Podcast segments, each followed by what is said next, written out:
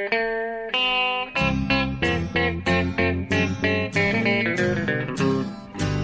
out there, we're on the air. It's hockey night tonight.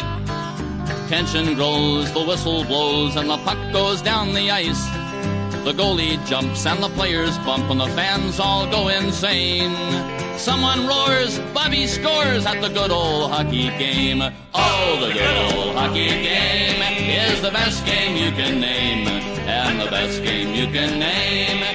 Hallå, hallå, hallå, hallå, hallå, hallå, hallå där, hallå, hallå. Hallå, hallå! Välkomna till NHL-podcasten med Jonathan eh, Broccolipajen Ekeliv, som ni hörde där i Örby, Stämmer. Stockholm. Och eh, mig, Per Bjurman, i New York. Vi ska nu spela in vårt 299 eh, avsnitt. Så nästa gång blir det Jajamän. verkligen eh, milstolpe. Precis, då är det 300. Och det, det kommer vi fira på något sätt. Ja. Minns du något om hur vi firade 200? Det har jag glömt helt. Ja, men det kommer jag ihåg faktiskt. För att det var...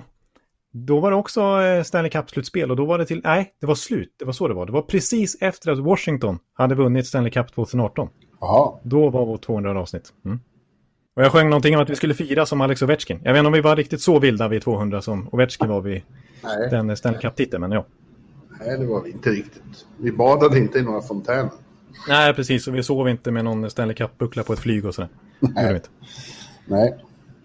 Jaha, det är ju slutspel nu som sagt. Vi är framme vid konferensfinalen. De smög igång redan i, igår med första matchen eh, Out West. Ja. Eh, för man, man hinner inte med här riktigt. De, de, det blir inga avbrott alls mellan omgångarna. Nej, precis. Vi hade ju, sa i förra podden att vi hade som ambition att hinna spela in ett avsnitt mellan andra rundan och konferensfinalerna. Men det, det blev för tajt, alltså. Vi hann inte med det.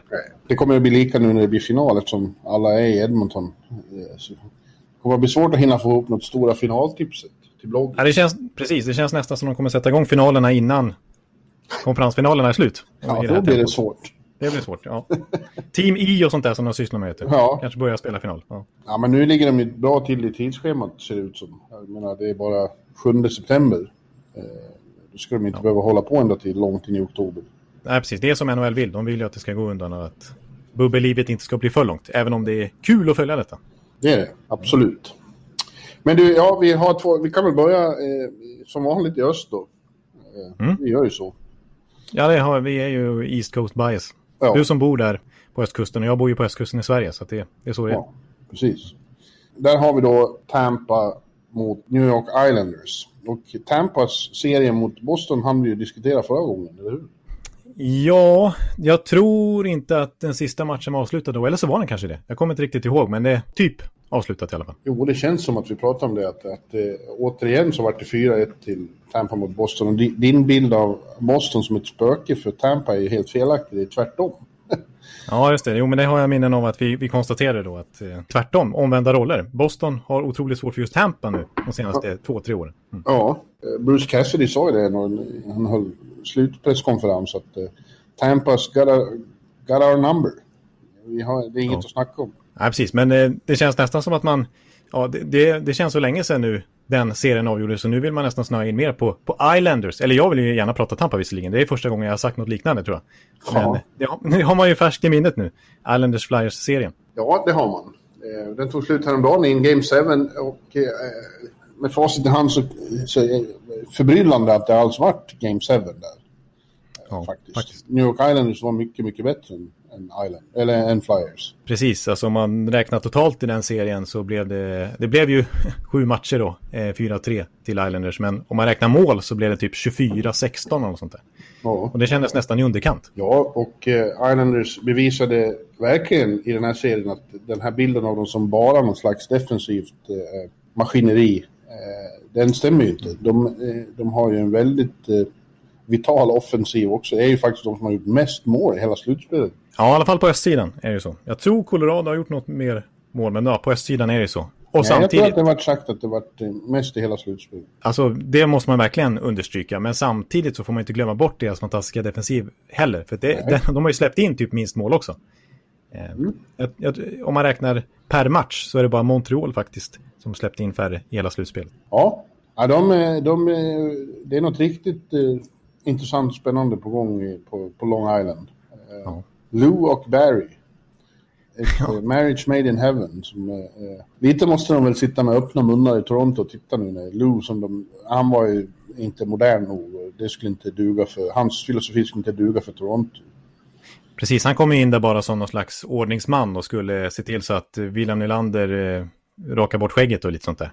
Ja. Sådana regler skulle han komma och införa, tyckte Brennan Shanahan. Men sen var det dags för Kyle Dubas och gänget att liksom stå för den moderna hockeysynen och analysen och så vidare och lagbygget och inte jobba med sådana som Leo Komarov och ta in en Jean-Gabriel Pachot för ett första, andra och tredje val vid deadline, en tredje center som ska liksom vara jobbig att möta. Det, det var inte så Toronto resonerade direkt ut, men det är så Lamoriello håller på i Islanders, som du säger. Fyra slutspelsseriesegrar har Islanders sen ja, Lamoriello lämnade och Toronto. De har noll sen dess, sen John Tavares i sin tur lämnade Islanders för Toronto. Ja, han kan ju också sitta och fundera lite. Precis, det, det var inte det man såg framför sig. Och när, när du säger alltså match made in heaven här med Lamoriello och Trots, alltså Trots är ju liksom vilken coach. Ja. Alltså, dels den här otroliga defensiven vi har konstaterat hundra gånger. Och, eh, att han liksom faktiskt tog över det lag som hade släppt in flest antal mål i grundserien året dessförinnan och nu gjort dem till den här maskinen som är svårast att göra mål på i NHL. Och dessutom evolverat som jag brukar säga, det är svengelska. Eh, ja. Offensiven till att göra så här mycket mål som de gör nu också. Vad är det för fel på att utveckla? Utveckla, tack så mycket. Eh, jag är för... Min hjärna är liksom... Den läser för mycket engelska texter. Mm. Men... Eh, och liksom just att Islanders, att det har blivit sån, sån här stabilitet faktiskt som det har blivit när det har varit... Islanders har varit en nästan en, eh, vad säger man, alltså något som man har skrattat och Jag höll på att säga ett engelskt uttryck igen, laughing stock. Ja. En, eh, alltså under så många år. Sen senast de faktiskt var i konferensfinal, det var i början av 90-talet och man gick så här långt i slutspelet. Sen dess, då har vi ju sett Mike Milbury var där och rattade. Vi har sett eh, Spano, den här låtsasmiljardären som köpte klubben ett tag och sen hamnade i fängelse. Och vi har sett eh, Gart Snow och så vidare. Vi har sett Alexej Yashin få ett 10-årskontrakt. Vi har fått, sett Rick DiPietro få ett 15-årskontrakt. Ja. Och allt vad det har varit hit och dit. Och nu är det liksom, nu är ju, nu håller Islanders på att bli någon slags, eh, som jag brukar säga, något, något som de andra lagen ser upp till, som kommer försöka kopiera. Ja, säkert. Så blir det ofta i den här ligan. Eh, nej, de har, ju, de har ju återupprättat sin heder och sin status som, som eh, contender, verkligen. Precis, gamla 80-tals Islanders helt plötsligt. Ja, går de till final så är det första gången sedan 84. Precis, sen, sen dynastitiden. Ja, precis. Mm, precis, och de har ny arena på gång och grejer som håller på att byggs där. Så det, det, det blåser verkligen nya vindar ute på, på ön. Ja, och som sagt, de borde ha kunnat slå ut Flyers eh, tidigare. Det var som att Flyers liksom halkade sig vidare, snubblade sig vidare på något vis. Precis, eh, alla tre segrar var ju faktiskt övertid. Ja, och sen, men sen var de ju helt överlägsna i Game 7. Ja, det var... Det var en eh, total utklassning. Och det, eh, du säger kanske något om att det, det här svåra i att fejka urgency. Mm. Det var ju så att alla lag som låg under med 3-1 förra veckan, de, de eh, fick ju stryk. De kom ikapp allihop och tvingade fram Game 7. Men där mm. fick de stryk. Ja, det... Och du säger något att det, där, att det är först när man verkligen har eh, det är allvar som man kanske kan ta fram sitt allra bästa. Verkligen, och, det har ju Islanders verkligen gjort genomgående det här slutspelet när de har haft kniven mot strupen, när det har varit viktiga matcher. Alltså alla tre gånger de har slagit ut en motståndare i det här slutspelet. Mot Panthers där i play-in och sen mot Washington och nu mot Philadelphia Flyers. Så man tar de tre matcherna så har de alltså 13-1 ja. i mål på de matcherna. Och eh, ja, överlägsna i skott också, 82 och 61 eller sånt där i skottövertag. Så att eh, de har varit överlägsna när det, när det har verkligen stått mycket på spel. Ja, de känns, och de känns ju också som de har, det är en otrolig stämning. De har skapat en laganda som eh, liknar ingenting. Det, man, det förstår man nästan bara att se och höra dem. Ja, precis. Verkligen. Det spritter om... Ja, och alla älskar trots. Eh... Förlåt, jag har fått en morot i thirststrupen här igen. Aj då. Det är ganska tidigt för dig här, vet du. Ja, precis. Mm. Jag var ledig igår, så du kan ju tänka dig. Ja, jag kan tänka mig att du var ute och snurrade lite. Mm. Mm. Ja, eh, eh det säger ju även Washington-spelarna att liksom, Barry är man kompis med för livet. Och så känner de i, i Islanders också. Det är otroligt fin laganda. Så att, eh, ditt Tampa, de kommer att få någonting att bita i här. Ja, alltså precis. För jag ser inte fram emot att möta det här kompakta försvaret och så otroligt frustrerade och neutraliserade som eh, storstjärnorna i motståndarlagen har blivit här. Alltså, Philadelphia, vi klagar ju nu ett par veckor i rad och inte minst i den här serien om hur toppspelarna inte har levererat. Eh, vi kan komma in mer på det, men det var ju samma sak för, för Washington. Ovechkin gjorde visserligen några mål, men annars var det ju väldigt svårt. Att, men John Carlson gjorde ju ingenting i den serien. Eh, även Barkov och Hoffman och ja, hela Florida-ligan där hade ju svårt att producera mot Islanders. Så det, det kommer bli samma utmaning här för, för Cooch och för Point och så vidare. Jag kommer ihåg med väldigt traumatiska minnen hur det såg ut när Trots var Washington-coach och mötte Tampa just konferensfinal 2018, året som Trots och Washington vann.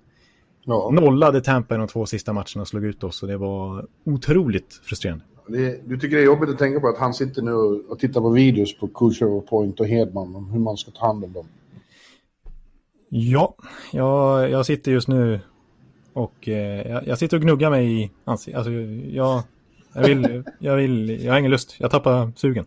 Du gnuggar dig i ansiktet? Ja. Nej men alltså trots det varit, eh, alltså när, under sina år som Washington-coach, det var inte bara den där slutspelserien utan han hade verkligen, eh, vad sa du där att Cassidy sa om har du besvärjt fram ett till spöken? Ja, ja, precis. Alltså trots åtminstone, kanske Islanders eh, totalt sett inte, men, men trots, alltså även under Washington-åren, så de vann dubbelt så många matcher som Tampa vann i inbördesmöten när de, under de fyra år han var där. Så att jag, jag har alltid haft svårt för trots, eh, som motståndare alltså. Men nu, nu är det så att eh, jag tror väldigt mycket på det här Tampa-laget också. De har också fått en fantastisk stämning igång i, i, i sin trupp. Och eh, återkommer till det här att de har lärt sig spela slutspelshockey eh, på ett helt annat sätt än förut. Med sin enastående tredje kedja som något slags lok i, det, i, i den, när det blir sådana matcher. Och det kommer det att bli nu. Eh, ja, de precis. kommer verkligen att behöva göra fula mål som du sa.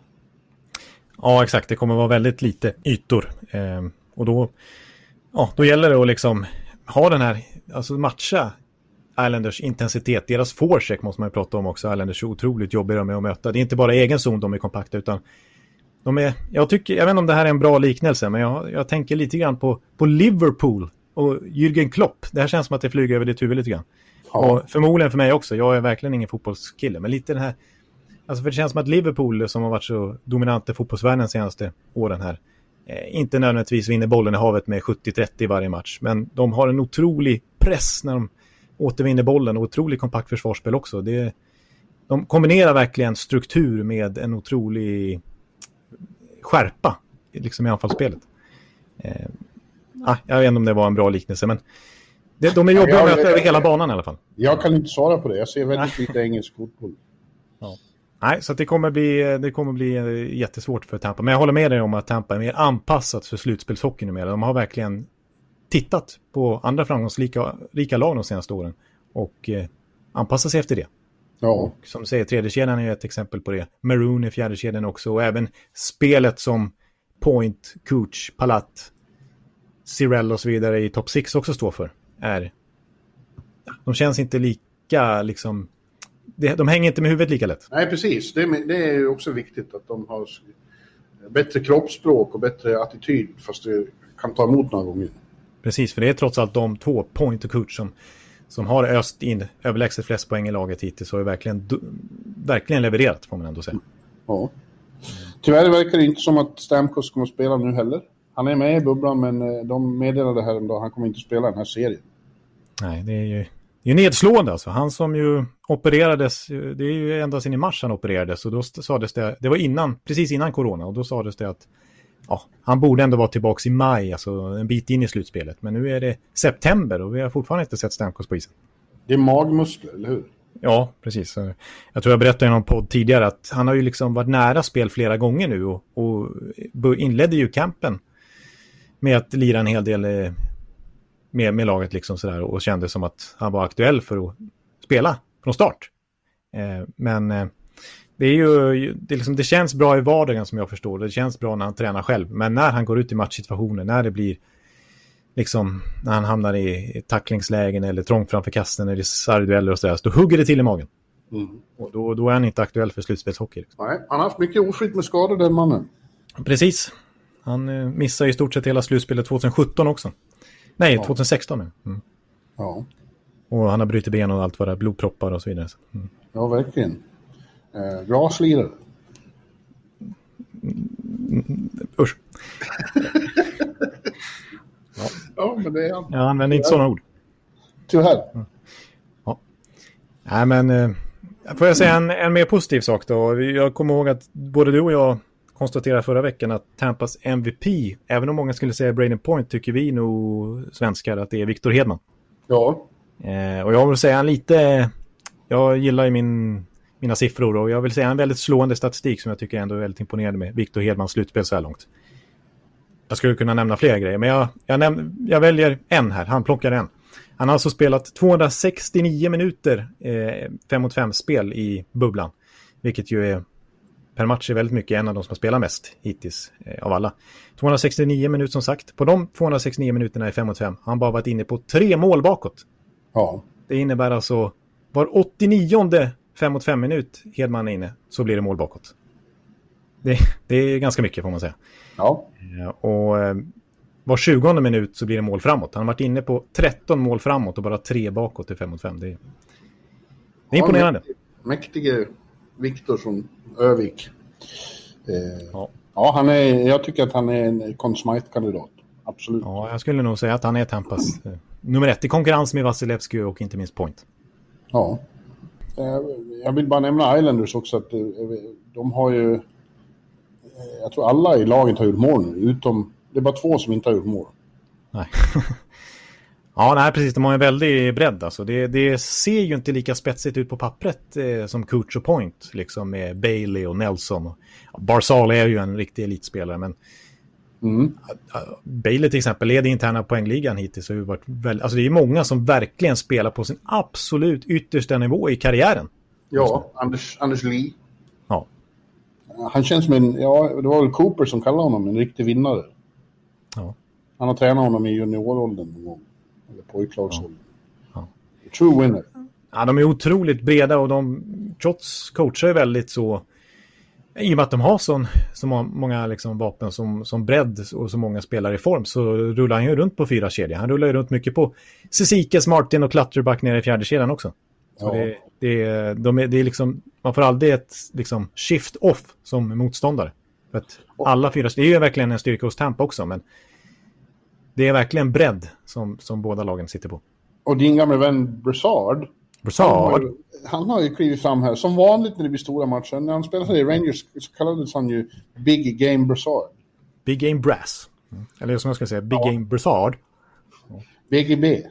Ja, precis. Och, ja, har gjort några fina ja, aktioner här i slutet Pass, av... Passningen till Andy Greensmore i, i Game 7 Ja. Som skar genom hela försvaret. Den var ju briljant. Skar genom hjärtat på Flyers. Liksom. Ja, ja den, den, Green kunde slänga in den i öppet mål. Michael Stipe-kopian, han ser ut som sångaren i R.E.M. nu för tiden. Andy Green. ja, han gör han visserligen. Grånande skägg. Ja. ja. Ja, nej, men nej, det här kommer bli tufft alltså. Jag, du vet ju, du har försökt få, få ur mig ett tips.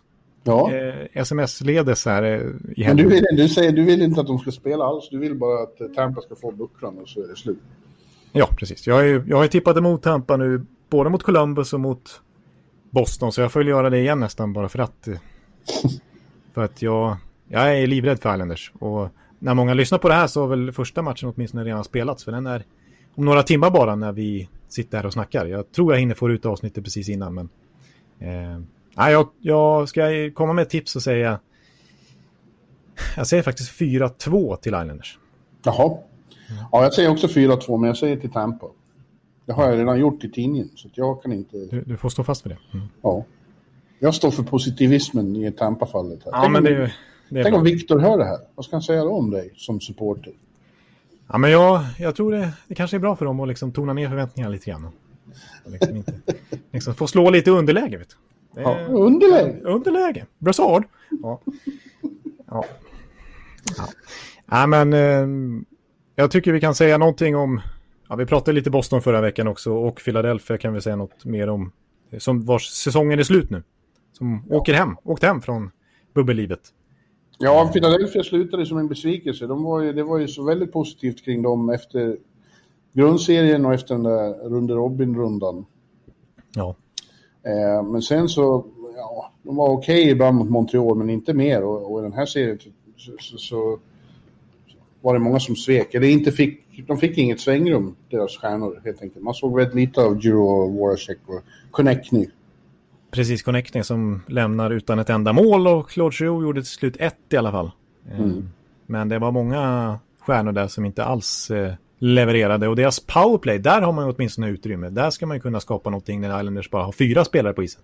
Ja, det var Men, riktigt dåligt. De gjorde noll mål på sju matcher eh, ja. mot Islanders i powerplay. Det är ju för dåligt. Ja, det är det. Så, äh, nej, det var faktiskt det. det Wiberg har inte varit glad, den stora Flyers-supporten i Sverige. Eh, av förklarliga skäl hur, utifrån hur det såg ut. Men det man kan säga positivt för Flyers i alla fall när de lämnar den här säsongen nu är att det är många i den nya unga kärnan trots allt som har verkligen etablerat sig. Framförallt Carter Hart. Ja, ja de, har en, de har en världsmålvakt i många år come. Precis, han kan ju mycket väl vara det kommande decenniets liksom, stora affischnamn på målvaktssidan. Han är ju en ny Carey Price. Ja, och eh, glädjande också att eh, Oskar Lindblom kunde göra comeback. Det Precis. Det var inspirerande att se. Precis fullständigt osannolikt egentligen att, att han var ja. med på isen eh, ja. i de två sista matcherna. Eh. Nej, men, eh, och han är ju ung, precis som Connectney som visserligen inte levererar det här slutspelet, men ja, men Provorov, eh, Faraby, Myers, Sanheim, alltså det är ju, det är ju ett, de är ju på den liksom långt ner på den undre halvan eh, när det kommer till medelålder. Det är ett ungt lag, alltså Drew Waracek och de har några veteraner, men, men eh, det finns eh, hopp om, om framtiden, verkligen, för Flyers. Ja. Eh, måste man säga. I Boston är det lite äldre ja. eh, stomme. Och eh, den här förhoppningen om att ta en till Stanley Cup under Marchand och Bergeron, Chara eh, generationen, den, det börjar rinna ut. Ja, det börjar, de börjar faktiskt bli ganska gamla. Nu har ju Chara sagt att han vill fortsätta en säsong till. Ja. Han eh, kommer vara... Han blir ju 44 nästa säsong i, i mars. Ja, det är otroligt.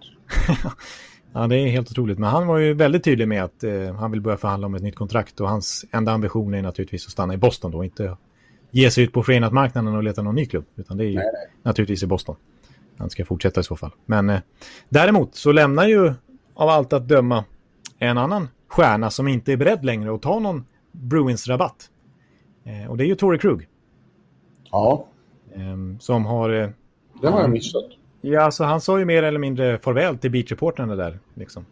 Att eh, vi har haft eh, några roliga år ihop, men nu, nu blir det förmodligen free marknaden Han har ju haft dåliga förhandlingar med Sweeney, ganska få och de ens existerat nästan. Och de är långt ifrån varandra för att eh, Krug, ah, han vill ju tjäna pengar nu. Han har, han har liksom tagit många sådana rabattkontrakt eh, sen han klev in och blev ordinarie i Bruins. Han har haft två ettårskontrakt och nu hade han ett fyraårskontrakt som var rabatterat. Och nu börjar han närma sig 30 och han vill, han vill ha betalt. Mm. Och nu i coronatider och så vidare och, och Bruins lönetagssituation så har Sweeney inte erbjudit så mycket och vill, verkar vilja ge ett lite kortare kontrakt igen och inte så mycket pengar som Krug förväntar sig. Och han har ju sett hur en sån som till exempel Jared Spurgeon som han tycker är på jämbördig nivå har kammat hem rejäla pengar i Minnesota. Så eh, nej, Krug ska till 95 procent i alla fall ut på free marknaden Var hamnar han då tror du? Ja, det återstår att se för att det finns ju många alternativ för eh, det. Alltså vi har pratat om att målvaktsmarknaden är väldigt diger efter säsongen här. Men eh, backmarknaden börjar bli det också. Som Torrey Krug ska ut där. Det finns redan Alex Pietrangelo. Det finns en annan offensiv PP-back i, i Tyson Barry. Det finns en Erik Gustafsson som ju öste in poäng åtminstone för två år sedan. Det finns Travis Hamonic, TJ Brody, Sami Vatanen. Så att, eh, eh, men jag, jag, tycker att Krug är en av ligans absolut bästa offensiva backar och, och de senaste fem åren så är det minsta han har gjort 44 poäng. Han har tre säsonger över 50 poäng. Eh, så det han får inte så mycket cred i den där mördande. Liksom. Ja, man pratar ju bara om de tre, men även deras PP som varit så bra i Boston. Men det, där har ju faktiskt Torrey Krug väldigt stor del som quarterback. Ja. Så jag, jag tror han kan få ett bra kontrakt någonstans. Någon annanstans, kan jag säga. Yes. Ja, men eh, ja, det blev en besvikelse för dem eh, med tanke på vilken grundserie de har haft. Men det känns som vi har pratat om det redan. Ja, exakt. Det, vi, jag, jag, undrar om inte den serien kanske var avgjord då förra veckan. Den var väl, den var väl det. Ja. Eh, ja. I väst då, som redan har kört igång. Eller vill du vara kvar i öst? Nej, nu, nu hoppar vi till väst. Mm. Ja.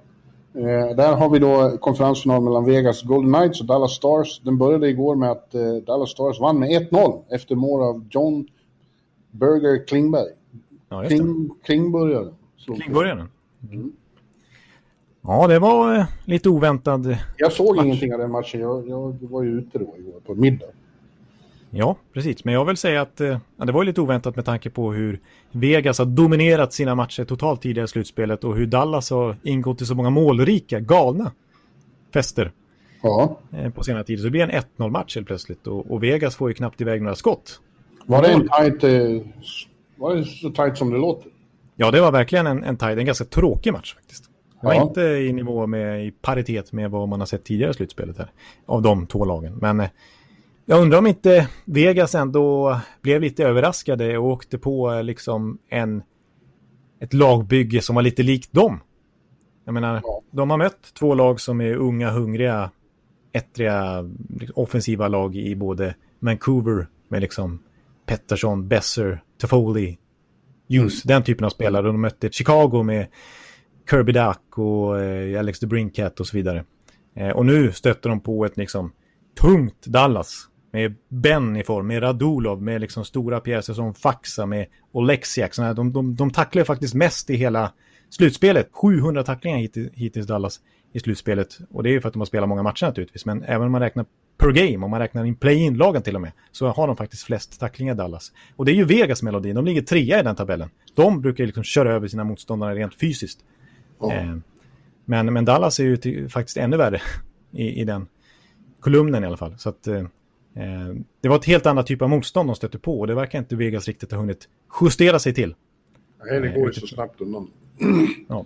Eh, Han, han sa ju det efter, efter sin Game 7 så sa ju DeBoer att han var tvungen att ha en drink innan han kunde börja tänka på Dallas ens. För att, eh, Nej. ja det blev ju eh, Game 7 även där. Eh, Vancouver tog två matcher mot, mot eh, Vegas och det var en väldigt intressant och spännande och rolig serie att följa. Eh, det, Ja. huvud, huvudspåret i storyn de sista matcherna vart ju Thatcher Damco. ja, det var ju otroligt oväntat med tanke på att vi satt och hyllade Markström senast vi spelade in en podd. Ja, så gick Markan sönder och så blir det eh, Thatcher Damco kommer in och, och är ännu bättre. Han var helt osannolikt bra. Alltså hans nivå i de matcherna han hann spela var ju nog de, alltså det var ju nästan värre än Carter Hart när han Ja. var som bäst i det slutspelet. Det var helt otroligt. Eh, han släppte in två mål på 130 skott. Ja, och vid handshaken där så det är klassiska bilden när Mark Stone bara åker fram till honom och bara skakar på huvudet. Ja, precis. För de kunde ju, han blev ju, han blev ju ett spöke Ja, för, för Vegas. Det var ju otroligt vad de pepprade på, hur de dominerade de matcherna. Men att Damco, han vägrade släppa in ett mål. Det gick inte att göra mål på honom. framförallt de, de två sista matcherna var det helt otroligt vad, vad han inte släppte in något. Det var imponerande av dem att de kunde behålla tålamodet. Till slut få in en puck i tredje perioden där mot, eh, i Game 7. Eh, Precis, för det, det de satt hårt innan. Så de, Ja, alltså de, de hade ju mycket väl kunnat torska även Game 7. Även om de välförtjänt vann den, så, så som du säger, det dröjde till sista 7-8 minuterna innan de till slut fick hål på Demko. Och sen var det lite kassade öppen, öppet mål. Men eh, det hade mycket väl kunnat eh, bli ett Vancouver-mål i den matchen istället. Robin Lehner fick ju göra en otrolig räddning han också. ja verkligen. Klassisk plock. Han är rolig, Lehner. Han, är, han blir ju lätt irriterad på vad omvärlden säger och tycker. Han var ju förbannad på några journalister som hade krävt att Fleury skulle stå att Lener inte var bra och så. Ja. Nej, precis. Då kliver han ut och, tog- och håller nollan i Game 7. Ja, han sa att han fick inspiration av det och så sa han att jag vet att ni säger att jag inte kan ta eh, backdoor shots. Men eh, big man moves when he wants to, sa han. Ja, precis. Och den den eh, highlight-reelen där, den kan man ju veva ja, hela, hans, eh, hela hans eftermäle, höll jag på att säga. Ja, Nej, ja det, men eh, med Vancouver då, så till slut så eh, tog ju bränsle slut där kändes det som. De var inte så bra i Game 7. Eh, nej, det var ju väldigt välförtjänt att Vegas vann. Ja. Men, eh, och de ser inte så eh, än kanske. Eh, De var ju undersök ju, ju längre de gick att vi inte är här för att lära, vi är här för att vinna. Och så ska man ju, så ska man ju, den inställningen ska man ju ha, men, men eh, det här kommer ju, de har ju tagit, accelerera sin väg framåt med, med, med, flera steg. De ligger ju ahead of schedule vad det laget ska bli. Precis, så nu liksom på kommande årens sikt så ser det otroligt intressant ut. Då kommer man ju kunna räkna verkligen med Vancouver som en äkta contender. Ja. För att eh, det är så många i det här laget som har bevisat att de är på riktigt nu, men inte minst Elias Pettersson, men även Quinn Hughes, Besser, Horvat och, och så vidare. Det är, det är en otrolig stomme de plötsligt har, har byggt upp efter Sedinarnas era. Ja, och, och, eh, till och med Patrick Sharp tog upp det i studion i NBC. Han sa att det påminner om när vi åkte, åkte ut mot Detroit, eh, vår värsta rival 2009. Mm. Eh, det var ju tungt, men vi kände att vi har något på gång här och sen kom 2010. Ja, precis. Så Chicagos dynasti började på riktigt. Så att, ja. eh, vem vet, Vancouver nästa år. Eh, ja. Kan bli farligt. Vi får se däremot om det är med Jakob Markström i kassen. Det är så otroligt märkligt att eh, deras MVP den här säsongen som ju de flesta faktiskt i Vancouver skulle den titeln skulle de faktiskt ge till Markström före Pettersson till exempel. Eh, men eh, han, han kanske inte blir kvar. Alltså, Nej, i synnerhet inte nu när Thatcher Demko visar sig vara helt eh, fantastisk. Precis, även om liksom, den bedömningen bygger på tre slutspelsmatcher här så, så kan det vara tillräckligt. För Demko är ju en supertalang, det har pratats om honom. Inte på Carter Hart-nivå, men under flera år i alla fall som en kommande stormålvakt. Eh, och nu är det ju så att Markström har ut, utgående kontrakt. Han kommer kosta mycket att förlänga med. Dubbelt så dyr lön mm. kommer han ha. Alltså han kommer kräva minst 6 miljoner dollar per säsong skulle jag tro. Han kommer säkert vilja ha en no movement-klausul och sådär och ett lite längre avtal, inte bara två, tre år. Och eh, då är det ju expansionsstraff nästa år och då får man bara skydda en målvakt. Och ska de då ha Markström med sin klausul och då riskera att tappa Thatcher Demko gratis till värsta rivalen. Det, det är inte bra. Eh, och samtidigt så är det ju så att eh, om något år här, ja, nu, nu den här off-season som kommer så kan ju faktiskt eh, Vancouver börja förhandla med Elias Pettersson om nytt kontrakt.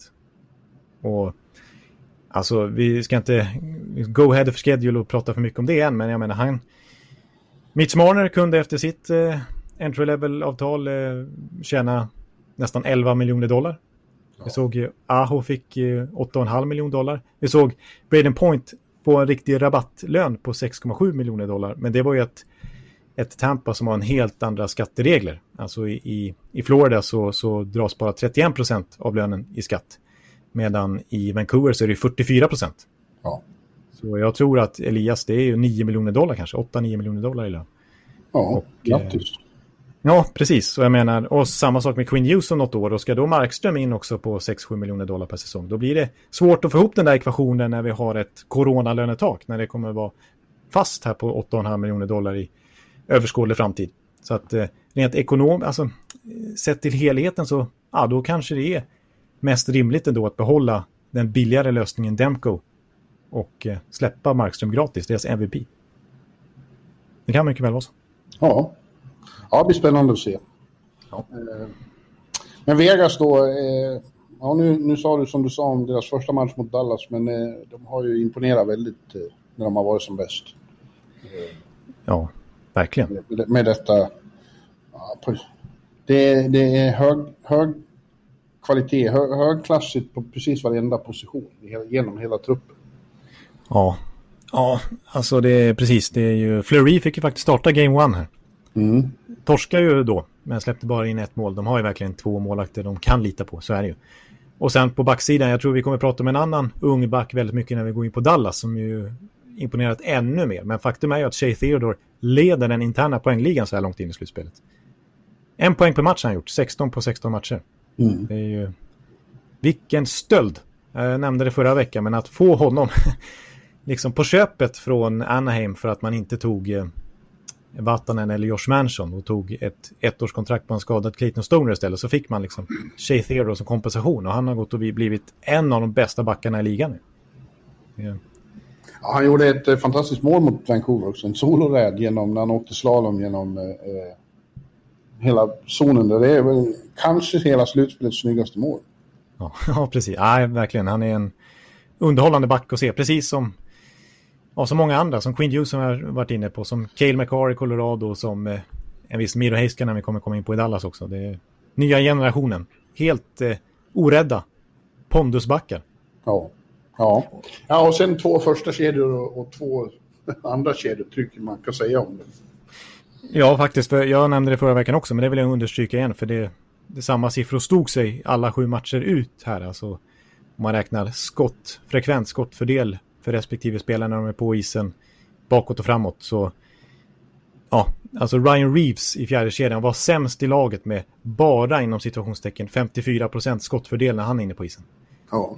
Det är ju helt sjukt. Liksom. Alltså 54% skulle vara bäst i många andra lag. Han är sämst i Vegas med det. Så att alla Mm. bidrar verkligen. Nu var ju han skadad, eller avstängd. Avstängd. Mm. Ja, eh, och han betyder nog en del med sitt, eh, sin förmåga att komma under skinnet på motståndarna. Ja, både fysiskt och eh, liksom verbalt. Ja, verkligen. Ja, eh, men Dallas då. Eh, det var ju en väldigt underlig serie som de spelade mot Colorado. Eh, Oj, ja. det, det sa börjaren själv när jag pratade med honom efteråt att det var ju väldigt konstiga matcher nästan allihop. ja det, Väldigt mycket mål, väldigt mycket egendomliga chanser, väldigt mycket sväng. Det svängde ju enormt hela tiden. Ja, precis. Både i serien totalt sett men också i, i matcherna. Och, och kulmen blev ju verkligen Game 7 som är bland det galnaste man har sett. Ja. Det, det underliga tycker jag är att det känns som Dallas bara, bara tidvis har spelat på toppen av sin förmåga. Och kan så mycket mer än vad de... Om de får ihop 60 minuter när de var som bäst i den, mot Colorado, då är de ju verkligen en contender. Ja, det har jag faktiskt rätt i. För jag, det är kanske det som gjort att jag inte är helt övertygad om Dallas längre heller. Det är ju laget jag har gnällt på hela säsongen, som ni vet om. Ja. Som jag vid ett eh, svagt ögonblick kallade för att de inte ens hade i slutspelet att göra. När jag var som tröttast på dem. Och det, det kan jag få äta upp länge. Det kanske, jag kanske inte ens var kvar i den här NHL-podden. Om de går och vinner hela Stanley Cup. Samtidigt som jag också har en oerhörd respekt för deras högsta nivå i och med att jag tippade att de skulle vilja vinna hela skiten inför säsongen. Hela det- skiten, vilket, vilket språk. Ja, förlåt. förlåt. Kanske också gör att jag blir av med podden. Nej, men eh, de har en enorm högsta nivå och en ganska låg lägsta nivå. Det är därför det kan Ja, liksom bli så Det mycket är mål. det i matchen. underliga. Ja, precis. Och eh, ja, det är ju fantastiskt starkt att sluta Colorado. Colorado var ju min favorit länge och, och spelade ju tidvis helt eh, magnifik hockey genom hela slutspelet. Men eh, som vanligt höll på att säga så fäll, faller de på skador. De fick Ja. båda sina målvakter skadade och Gabriel Landeskog, väldigt otur, fick, ska, fick knät sönderskuret. Ja, precis. Och var borta där i Game 7. Och även Donskoj och Calvert och några sådana andra breddspelare var inte med. Nej, och det där, är, jag vet inte, det är mycket otur, men är det bara det? Jag vet inte. Eh, Jag kommer tillbaka till min gamla Rolf Zetterlund i Brage. På, när han tränade Brage var de nästan aldrig skadade. Ja, just det. Det är din gamla käpphäst. Det är Brage-referensen, ja. Mm. Ja. Eh, och det, det går väl inte att jämföra. Och de har, det, jag menar, sånt som händer i Gabriel, vad ska man göra åt det? Går inte att förebygga. Nej, precis. Men visst är det slående ändå. Håller med om att Colorado har haft sån enorm skadeproblematik nu. Framförallt sista åren, men även över tid. Liksom. Ja. Ja, den där får de titta på. En besvikelse att de åker ut, tycker jag. jag eh, på, på flera sätt. Jag hade ju tippat dem. Ja, precis. Och samtidigt eh, väldigt små, små marginaler. De gör alltså 4-3 med mindre än fyra minuter kvar av Game 7. Och jag tänkte nu är det klart. Det här kommer de hålla, hålla undan sista minuterna. Men det tar 10 sekunder så gör en viss Joel Kiviranta Ja. 4-4 i den matchen. Och så gör samma Kiviranta hattrick och avgör hela serien då. Buster Story. Verkligen eh, Buster står. Och, och, och jag kommer ihåg att jag, jag, sa, jag satt på redaktionen och följde den matchen och jag sa till kollegorna där att en viss Jarko, han kommer ju gå i taket nu när det är en finsk doldis som, som gör, liksom håller på med sånt där. Och visst, det dröjde någon minut så kom det ett sms och jag såg i din blogg också vad en, liksom, det, är, det är helt otroligt. Det, jag, kommer, jag skulle kunna leva 200 år till. Jag kommer aldrig vara med om något liknande. Helt osannolikt. Det är det sjukaste någonsin. Ja. ja. Ja, och sen vart eh, Antti Mäkinens referat från matchen vart ju i, i finska vi har satt vart ju också en klassiker som faktiskt visades på NBC här till och med. Ja, just det, precis. Och om jag går in i falsett på Brassard ibland så var det ingenting mot vad Mäkinen gjorde på Kiviranta. Nej, det var kul. Kiviranta ja Hintsa ovat maalin edessä. Joel Kiviranta! Hattutemppu täyteen! eh, vad skulle jag säga om Dallas nu? Jo, målvakterna också. Det har ju varit, eh, som vanligt är Ben Bishop skadad. Eh, och Kudobin har vi haft väldigt eh, hö, högt anseende i, hos oss. Eh, Ja. Han är ju väldigt bra, men, men, men serien mot Colorado släppte han ju in på tok för mycket. Precis, det var ju väldigt massa mål i baken trots att Dallas gick vidare och Khudobin, nej, övertygar väl inte. Det är konstigt att, att eh, det skulle bli målvaktsproblematik i det lag som ju var så otroligt täta i, i grundserien. Även om vi har skällt mycket på Dallas i grundserien så släppte ju de inte in så mycket mål tack vare sina målvakter. Men, men nu är det väl nästan deras svagaste lagdel faktiskt sett till hur slutspelet har sett ut i alla fall. Åtminstone fram till igår då. Jag vet inte hur han var igår när han höll Nej, men visst. Absolut. Nu sköt ju inte Vegas så många skott visserligen, men det är ändå en fjäder i hatten att hålla nollan. Och, ja, Khudobin är ju en bra målvakt. Ja. Eh, kanske är det för honom så. Jag tror hela laget har, betyder det också väldigt mycket att de faktiskt lyckades ta sig förbi andra rundan. De har ju de senaste åren förlorat i Game 7 eh, två gånger om i andra rundan. Precis, Och senast St. mot Louis. Stanley Cup-mästarna St. Louis då i Double OT. Mm, Ja, och det var även St. Louis som åkte ut mot gången innan, just det. 2017 eller 16 eller vad det var. Eh, och det hördes ju också på Kringben när jag pratade om att det var fantastisk lättnad och liksom ha tagit sig förbi. Det hade varit förkrossande att förlora en Game 7 till. Ja. Medan Colorado nu, jag tror de har förlorat fem raka Game 7 eller sånt. ja, det kanske är så pass. Ja, ja det, de åkte ut även mot Star, eh, Sharks Ja, i fjol i eh, Game 7. I andra rundan. Starks. En, Starks. bra, en, en blandning av eh, San Jose och Dallas. Ja, ja, precis. Starks. Ja, det är, det är de de åkte ut med två år ja. Nej, men... ehm, nej, så Colorado, jag håller med, men, men som sagt små marginaler. Och de har också tiden framför sig, precis som Vancouver. Så är det här ett lag som... Jag menar, Nathan McKinnon, han är 25. Mm. Det är, och, eh, ja, det är ju... McCarr, hela gänget, vi har pratat om det mycket. Alltså, Colorados kommande fem år blir otroligt spännande. Jag känner att de hade kunnat inleda sin dynasti redan i år. Men det är för den skulle inte så att deras fönster är på väg att stängas. Det har precis öppnats. Ja. Ja. ja, det blir bra. Mm. Eh, ja. Ja, och med lite bättre, mindre skador, jag menar, då, då hade det kunnat vara deras år redan nu. Absolut. Eh, intressant vad gäller Game 7 och statistik är också att Peter Bohr, eh, i och med Vegas seger där mot eh, Canucks, eh, så var det femte gången han vann en, en Game 7 av fem möjliga. Han har 5-0 i Game 7 och det är han ensam om i hela NHL-historien. Ja, där ser man. Det är, det är inte dåligt. Nej. Det inte Och jag dåligt. tror ju att Vegas, eh, in the end, eh, som sagt jag såg inte matchen igår så jag kan inte bedöma, men jag tror att det blir en lång, hård, eh, gnistrande serie mellan de här två. En riktig dragkamp. Eh, men mitt tips är att Vegas tar det in the end. Lite tyngre. Ja, och apropå De Boer där så hans facit genom historien så ja, när han tog över Devils då, eh, då gick de till final direkt. När han Mm. tog över San Jose då gick de till final direkt. Så varför ska han inte kunna ta Vegas till final direkt också då? Ett hattrick. Ja, precis. Alltså jag säger att de vinner med 4-3. Jag, jag har samma känsla. Det är lite tråkigt. Jag ber om ursäkt till lyssnarna, men jag säger 4-3 till Vegas också. Jag tycker faktiskt, alltså... Oh, jag, jag är ledsen Dallas-fans för hur jag håller på med er, men... men eh, nej, jag måste säga Vegas. Mm. 4-3 matcher. Vad, vad, vad var det du sa när, när slutspelet började? Vi hade Dallas-Calgary. Nej, men att de, det, det är lag som ingenting... Det, det kommer inte räcka. Jag, alltså när jag sa att de inte hade något i slutspel att göra, då menar jag inte så att de inte alls ska, alls ska vara i slutspel så. Men jag hade, de har ingenting med slutspel... De, de, inget av de här lagen kommer vinna Stanley Cup. Det var så jag sa. Alltså, det, är, det räcker inte till, så varför bry sig ens om den här serien mellan Jag är så trött på de här vet. två lagen. Ja, precis. Så sa jag. Jag är så trött på de här två lagen, för jag har hypat dem under flera års tid. Och, och jag orkar inte längre liksom hoppa på deras tåg. Liksom. Eh, så jag sa att det kommer inte räcka den här gången heller. Och eh, ja, går Dallas och vinner hela skiten nu så... så Jag har så en dumstrut du kan skicka. Ja, Det ska jag ha. Det ska jag ha. Mm. Ja, men... Eh, vet du vad jag har glömt? nej, Jag har inte tagit ut något veckans lag. nej, nej, men det har jag. Det har jag, du gjort. trodde, jag trodde du skulle säga att du har glömt att sätta på inspelningsknappen. Ja, det hade varit, eh, det hade varit betydligt värre. Men det, du, nu är det ju faktiskt så att bå- du, du ser ju när inspelningsknappen är på numera. Det är ju en Ja. säkerhetsåtgärd som är väldigt eh, bra vi har tagit till. Ja.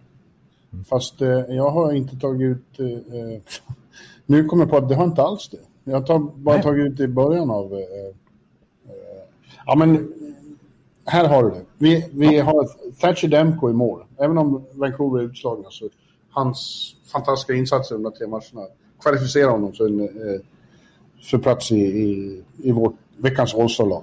Det köper jag helt ofullt. Sen har vi Shea Theodore, mm. Vegasbacken, eh, tillsammans med... Eh, jag tar John Klingberg faktiskt. För att eh, han har återigen visat vilken... Eh, det är Miro Heiskanen och så som har imponerat allra mest. Men, men Johns förmåga att alltid vara med eh, i avgörande lägen. Han är verkligen clutch. Ja, precis. Han har gjort ett otroligt slutspel i skuggan lite grann av Heiskanen, men han är också uppe på en fantastiskt imponerande poängtotal och gjort många viktiga mål som du säger. Och, ja, nu senast det enda målet i första matchen i konferensfinalen. Han ja. är verkligen ja, på, på sin topp igen. Ja. Men som du säger, jag, Heiskanen där, alltså jag lovade att vi skulle komma in på honom för tio minuter sedan typ. Men vi har gjort det i varenda avsnitt nästan när vi har pratat Dallas då, men eh, alltså han slog alltså europeiskt rekord här. När han, han är uppe på 21 poäng, vilket är mest av alla kvarvarande spelare i hela slutspelet, inte bara bland backar. Och det är den högsta poängsumman av en europeisk back någonsin i ett slutspel. Det är mer än vad Erik Karlsson hade 2017 i sitt otroliga slutspel. Det är mer än vad Lidström någonsin haft. Ja. Det är mer än Åsolinch och Zubov som också varit uppe på 19 poäng, vilket tidigare var rekordet ihop med Lidström då. Men... Ja, vilken... ja, det är otroligt. Ja.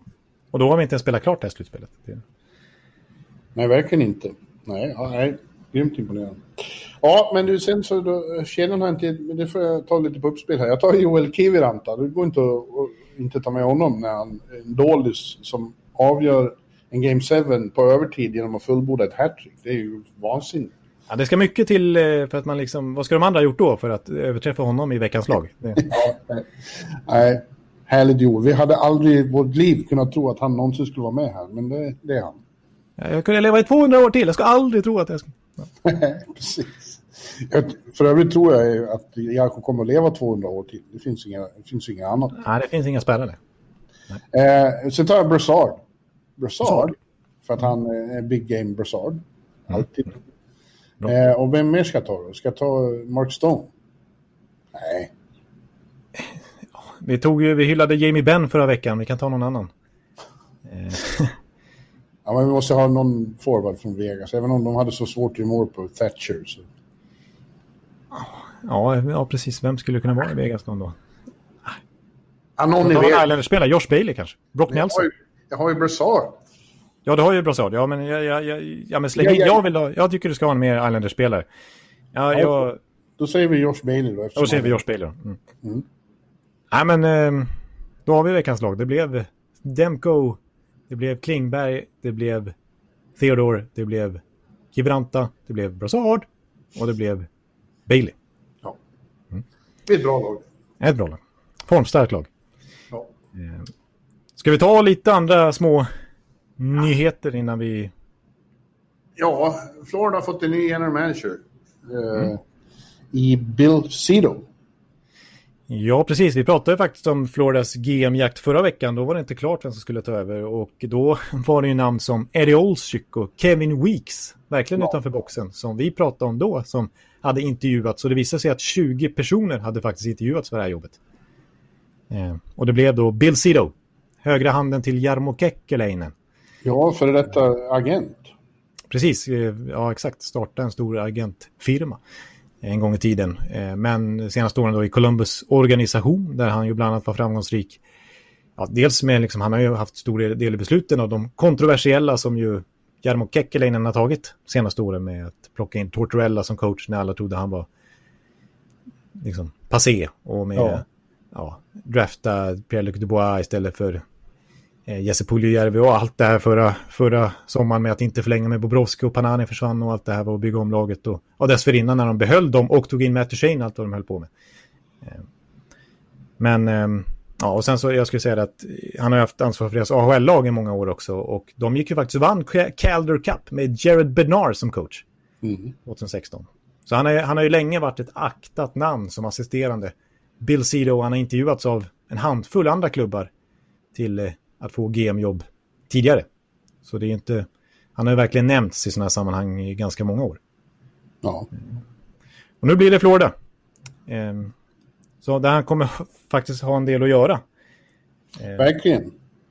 Det alltså... Men det är ju omöjligt att, att, att, veta hur det kommer att gå. Om det var ett klokt beslut att ta honom eller inte. Men hur ska vi veta det? Nej, precis. Vi vet ju så lite om honom än så länge. Och vi har sett andra hypade assisterande misslyckas kapitalt senaste året.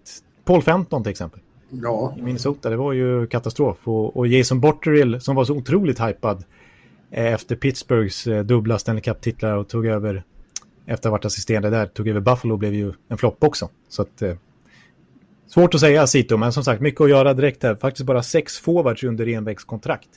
Och eh, UFAs, alltså free som kan lämna gratis i sommar i form av Hoffman och Jevgenij Dadonov till exempel. Eh, och så får han ta över då, Bob Rövski som du brukar säga. Eh, som han ju släppte från Columbus förra året. Som han känner mycket väl. Ja. Så eh, det blir att göra där och, och, och, Florida är ett sånt lag som det pratas om drabbats ekonomiskt av den här extra mycket av den här coronakrisen så att de kanske ska ha lite mindre lönebudget kommande säsong. Så att, eh, en utmaning för Sido. Ja. Eh. Eh, en annan jakt som pågår är i Washington. De ska göra en ny coach. Mm.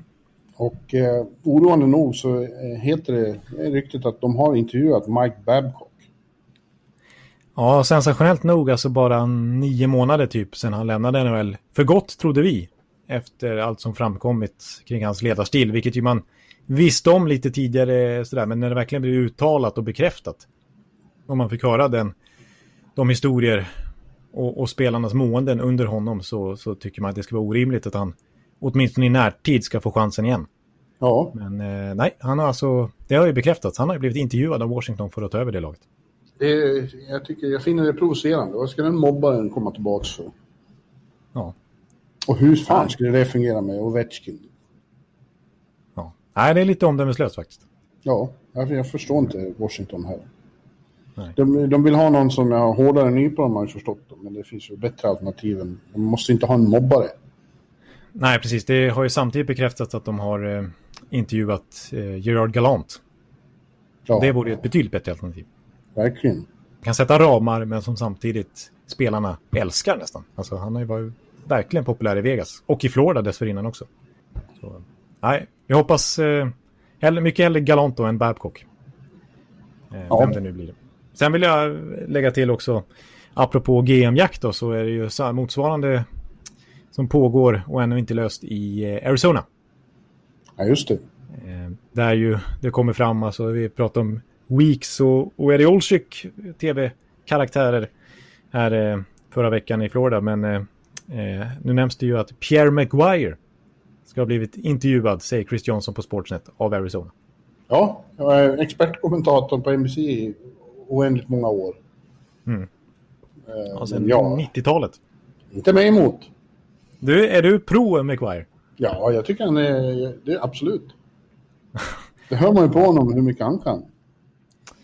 Ja, nej, det är, inte, det är ingen favorit här. Det är, han är en sån vattendelare. Jag, ja. jag är ingen stor McGuire-fan, men eh, det skulle vara kul att se honom i NHL. Det är ju han, är, han är lite kufisk, han är liksom eh, lite creepy ibland rent av. Men, ja. men du får väl hålla med om att han kan hockey. Jo, han har en stor eh, kunskapsbank att plocka från järnkontoret. Men eh, ja, han är ju ingen, eh, och det behöver ju inte vara fel. Men jag är lite mer analytics-kille än vad han är om man säger så. Han är verkligen på andra sidan. Ja. Men ja, det, han har i alla fall intervjuat så det skulle bli hans första NHL-jobb då sedan början av 90-talet. Han har ju varit assisterande general manager tidigare, han har varit coach och sådär. Så att ja, annars så, ja, det, det, kan, det är möjligt att det här hinner kanske inte ska prata för mycket om Arizona än innan det löser sig där. För jag kan tänka mig att det kommande veckorna så blir det klart med någon. Och det behöver inte vara McGuire, det kan vara någon helt annan. Det, det har pratat om, apropå gamla NHL-rävar, så, så Sean Burke till exempel, som fortfarande bor kvar i Arizona, gamla målakten. Han som Foppa gjorde straffen på väl, 94? Nej du, det var inte alls Sean Burke, det var ju... Eh, Corey Hirsch! Ja, just det. Ja, just det. Jag blandar alltid ihop de två alltså. Dåligt? Ja, ja, han är ju fortfarande arg på det. Eller liksom bitter. Han hamnar på frimärke. Ja, just det. Det kanske är dags att avsluta på den när jag håller på att säga att Sean Burke eh, stod i kassen 94. Ja. Ja, nej, men vi får se vem det blir. Men eh, det är också en turbulent situation. Eh, ännu mycket värre faktiskt än vad det är i Florida. Får väl ändå säga. Alltså, oj vad det har varit negativa rubriker med Arizona här sista, ja, under sommaren. Alltså dels med hela John Shaka-soppan och dels med att de har straffats av NHL för hur de har ja. felaktigt eh, hållit på och fystestat unga odraftade spelare. Och blivit av med ja, både första och andra val i draften för det. Och eh, ja, nu med Murello, eh, eller Murello, eller man ska uttala, nya ägaren där, som ju gick in stort liksom och, och investerade i en Phil Kessel och, och, Taylor Hall plockade de in och de spenderade ett lönetaket. Men han är ju med i kasinobranschen och har blivit hårt drabbad av corona här. Och sägs ju att de snarare ska börja skala ner nu i budgeten och kanske trada till och med en Oliver Ekman Larsson. Ja. Så det, det, blir en, det blir en speciell situation för den general som, som tar över Arizona. Att eh, handskas med. Men det är många som vill ändå, Jonathan. Det är ju eh, underbart att vara general manager för mig. Ett drömjobb för många. Det är det faktiskt. Jag, jag skulle tacka ja till och med. Jag vet inte om jag skulle ja. göra så bra. Jag tror Pierre McGuire skulle göra bättre än mig, men... Eh, ja, jag kan ja. se dig som eh, general manager. Jag tycker du ska börja i... i eh, ja, jag vet inte. I, I något lag i Stockholmsförorten där. Tycker inte jag ska söka då till Arizona? Skick, skicka ett mejl. Väsby kan du ta över. Ja, just det. Ja, jag, jag är up for grabs här om någon skulle vara intresserad mot förmodan. Ja, ja hör du. Då är vi väl klara för idag. Eh, ja. Jag ska eh, ta och... Det är helgdag här i... Det är Labor Day i USA. Just det. Eh, det är dagen som markerar slutet på sommaren. Sommaren som aldrig blev. Ja, just det, precis. Ja, det brukar du nämna också. Då. Det är precis den här tiden på året när vi pratar Atlantic Division i vår preview så brukar du säga att vi brukar spela in typ på Labor Day och så säger du att nu är här är markören för att sommaren är slut och att hockeysäsongen börjar. Ja. Mm. ja. Nej, nu når den sitt klimax istället. Ja, precis. Ja. Och nästa vecka då? Ja, då är vi tillbaka med 300. Precis, då är det klimax för NHL-podden. Yes. Så, ja, då är vi inne i avgörande av, av konferensfinalerna. Det ska bli spännande. Det ska bli spännande. Och eh, vi ser väl på återhörande till dess och tack för att ni lyssnar på oss. Yes. Hej, hej. Hej. Hallå, hallå, hallå. Hallå, hallå, hallå. Alex Chiazot, Joe Luis Arena och Esposito. Esposito. Uttalsproblem, men vi tjötar ändå. Och alla kan vara lugna, inspelningsknappen är på. Bjuder Hanna Kohl, han är grym i sin roll. Från Kållesoffan har han fullständig kontroll på det som händer och sker. Det blir ju allt fler som rattar in hans blogg. Och lyssna på hans podd. One, two, three, speed, so Hallå, hallå, hallå. One, two, three, speed, so Hallå, hallå, hallå. Ekeliv, som är ung och har driv. Verkar stor och stark och känns allmänt massiv. Han hejar på Tampa och älskar Hedman. Sjunger som Sinatra. Ja, och det ser man. Nu är det dags för refräng. Dags för magi, Victor Norén. Du är ett geni. Så stand up at home and remove your hats. Höj volym, för nu är det plats. One, two, three, speed, so Hallå, hallå, hallå. One, two, three, speed, so Hallå, hallå, hallå. One, two, three, speed, so Hallå, hallå, hallå. One, two, three, speed, so Hallå, hallå, hallå. Det är otroligt länge sedan båda samtidigt var så här bra. Hallå, hallå, hallå. Det är otroligt länge sedan båda samtidigt var så här bra.